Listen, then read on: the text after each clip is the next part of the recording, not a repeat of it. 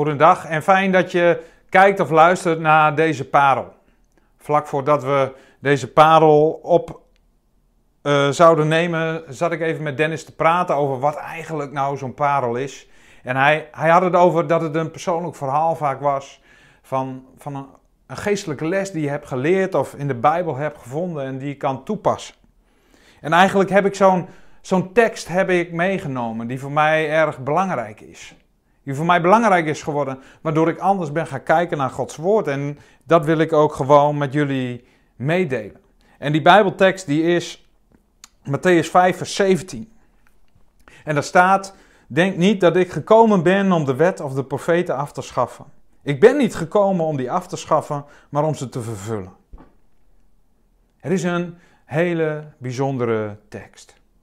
En het eerste wat mij opviel toen ik hiermee aan het stoeien was, is dat er niet staat wetten en profetieën. Jezus zegt niet, ik ben gekomen om alle wetten en profetieën te vervullen. Om het te houden aan elke wet. Ja, dat moet ook, dat doet hij ook. Of elke profetie te vervullen die ooit over mij gesproken is. Ja, dat doet hij ook. Nee, hij heeft het over de wet en de profeten en dan heeft hij het eigenlijk over het Oude Testament. En het woordje vervullen aan het eind is een heel bijzonder woord. Het geeft aan dat er iets is wat leeg is, wat inhoud gegeven moet worden. Zoals een huis leeg kan zijn, maar dan inhoud krijgt doordat er mensen in komen wonen. Dat het huis dan gevuld is. Dat het dan tot zijn doel komt, zou je haast kunnen zeggen. En ik geloof dat het Oude Testament echt gevuld is geworden met Jezus. Toen hij op aarde kwam toen hij zijn bediening uitleefde. Hij geeft inhoud aan dat Oude Testament. En dat is heel bijzonder om te ontdekken. Maar hoe leg je dat nou echt uit? Nou, ik moest denken aan koffie. Aan koffie. Ehm, stel, de koffie is het Oude Testament. Je hebt een kopje koffie. En dat is op zich lekker, maar wel een beetje bitter. Ik hou er zelf van, zonder suiker. Maar dan komt Jezus en dan zegt hij, ja, maar ik ga het vullen. En ik ga het vullen, ja, in dit geval met suiker. Daar wordt het nog steeds koffie van, maar het krijgt echt een hele andere smaak. Een smaak die ik niet ja, zomaar kan accepteren, want ik, ik ben opgegroeid met zwarte koffie zonder suiker. Maar er zijn heel veel mensen die zeggen, ja, maar oh, er moet suiker in, anders dan. En zo kan je ook kijken naar het Oude Testament. Ja, maar Jezus moet erin zitten, want anders dan. En zo is de koffie een heel mooi beeld geworden van hoe Jezus zich uh, het Oude Testament vult. En elke slok die je drinkt, daar zit dat zoete smaakje aan. En zo is het ook met het Oude Testament. Eigenlijk elk stukje wat je leest, daar zit een stukje Jezus in, want Hij heeft het gevuld. Het is niet altijd direct, soms is het heel indirect.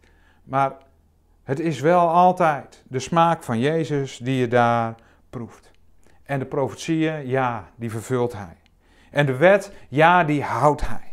Maar er zijn nog drie dingen in de taal die we ook terugvinden in het Oude Testament, waar je, dat Jezus ook heeft gebruikt om het mee te vullen met zichzelf. Ten eerste zijn daar verhalen.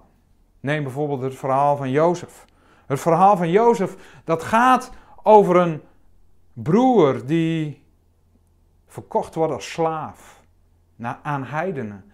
Maar zijn vader gelooft dat hij dood is. Maar daar aangekomen bij de heidenen zit hij wel even in de gevangenis en werkt hij wel even als slaaf. Maar hij werkt zich op als onderkoning en hij redt de burgerbevolking met brood. En de hongersnood is op het duur zo groot in het land waar zijn broers wonen, dat die ook op zoek gaan omdat ze nou één keer honger hebben. En ze komen dan bij Jozef en daar ontvangen ze vergeving en brood. En als je uitzoomt en je kijkt in grote lijnen naar dat verhaal, is dat natuurlijk het evangelie. Dat is het verhaal van Jezus, verraden door zijn volksgenoten. Hij is gekomen om de heidenen te redden en daarna zijn broers. Of wat dacht je van het Pascha? De Joodse doortocht, de bevrijding uit Egypte. De bevrijding uit Egypte, waarbij je een lammetje moest slachten en opeten en het bloed aan je deur moest smeren. En als dan de engel des doods kwam en hij zag het bloed aan de deurpost, dan ging hij aan jouw deur voorbij. En zo gaat de dood voorbij aan degene die, die hun deurpost besmeurd hebben met het bloed van het lam. En ook dat is weer het evangelie. Ook dat verhaal heeft Jezus inhoud gegeven. Want iedereen die zich bedekt met het bloed van het lam, daar gaat de engel van de dood aan voorbij. We zullen die tweede dood, zoals de Bijbel dat ergens anders zegt, niet proeven. En dat zijn de grote verhalen. En er zijn nog zo ontzettend veel meer. Het ontbreekt mij aan tijd om het over Gideon te hebben. Of hoe Isaac aan zijn vrouw komt, of noem het maar op. Maar het tweede die we in taal hebben, die is iets kleiner. Dat zijn de zinnetjes. En in dat Pascha-verhaal, daar staat één zin en die is zo ontzettend bijzonder. Die wil ik ook met jullie delen. Dat is Exodus 13, vers 14. Exodus 13, vers 14. En daar staat dit. Um, nee, Exodus 14, vers 13, sorry. Maar Mozes zei tegen het volk: Wees niet bevreesd, houd stand, zie het heil van de Heere, want dat hij vandaag nog voor u zal bewerken. En wij kennen dat eigenlijk niet zo goed. Maar dit is het verhaal wat centraal staat ook bij de Joden tijdens Pasen. En dan draait het om dit zinnetje. En dit zinnetje in het Nederlands, dat klinkt best wel normaal voor ons. Maar heil van de Heer, daar staat in het Hebreeuws gewoon Yeshua. Dus als, als ik dat even zo, even krom vertaal voor ons, dan zegt deze zin, maar Mozes zei tegen het volk, wees niet bevreesd, houd stand en zie Jezus. Zie Jezus. En dat moesten de Joden lezen, nog steeds, vandaag de dag, met Pasen. Dus iedereen kon het weten. Hij heeft het inhoud gegeven. Ook dat ene zinnetje. En hij heeft ook inhoud gegeven aan woordjes die ons in de eerste instantie misschien niet eens opvallen. Zoals het allereerste woord wat er in de Bijbel staat. En dat, heet in het, dat is in het Hebreeuws Bereshit. En Bereshit betekent letterlijk vertaald in den beginnen. En zo is dan ook in het begin schiep God hemel en aarde.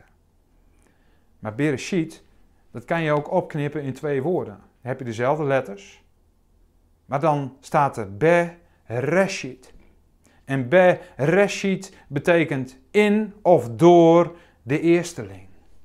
En als je dan die zin gaat lezen, in of door de eersteling schiep God de hemel en de aarde, dan wordt die inhoud van die scheppingsdaad van God nog veel dieper dan dat hij al was. God schiep door Jezus de hemel en de aarde, zoals we ook in Johannes lezen.